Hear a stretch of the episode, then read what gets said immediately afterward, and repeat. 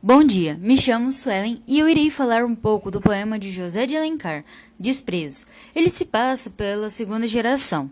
O poema que eu irei falar diz um pouco sobre um rapaz que gostava muito de uma moça, e essa moça fez alguma coisa para ele, pois deixou ele bem magoado que o poema inteiro ele passa dizendo que a sua beleza irá acabar, que a velhice para ela chegará bem rápido e que quando lerem os livros dele não vão encontrar os vestígios da, da moça que ele inspirou. Eu vou ler um pedacinho agora do poema. Como a flor, a beleza logo murcha. A tua há de murchar em poucos anos.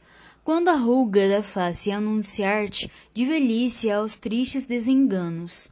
Quando de ti, já todos esquecidos, nem te olharem, meus versos serão lidos.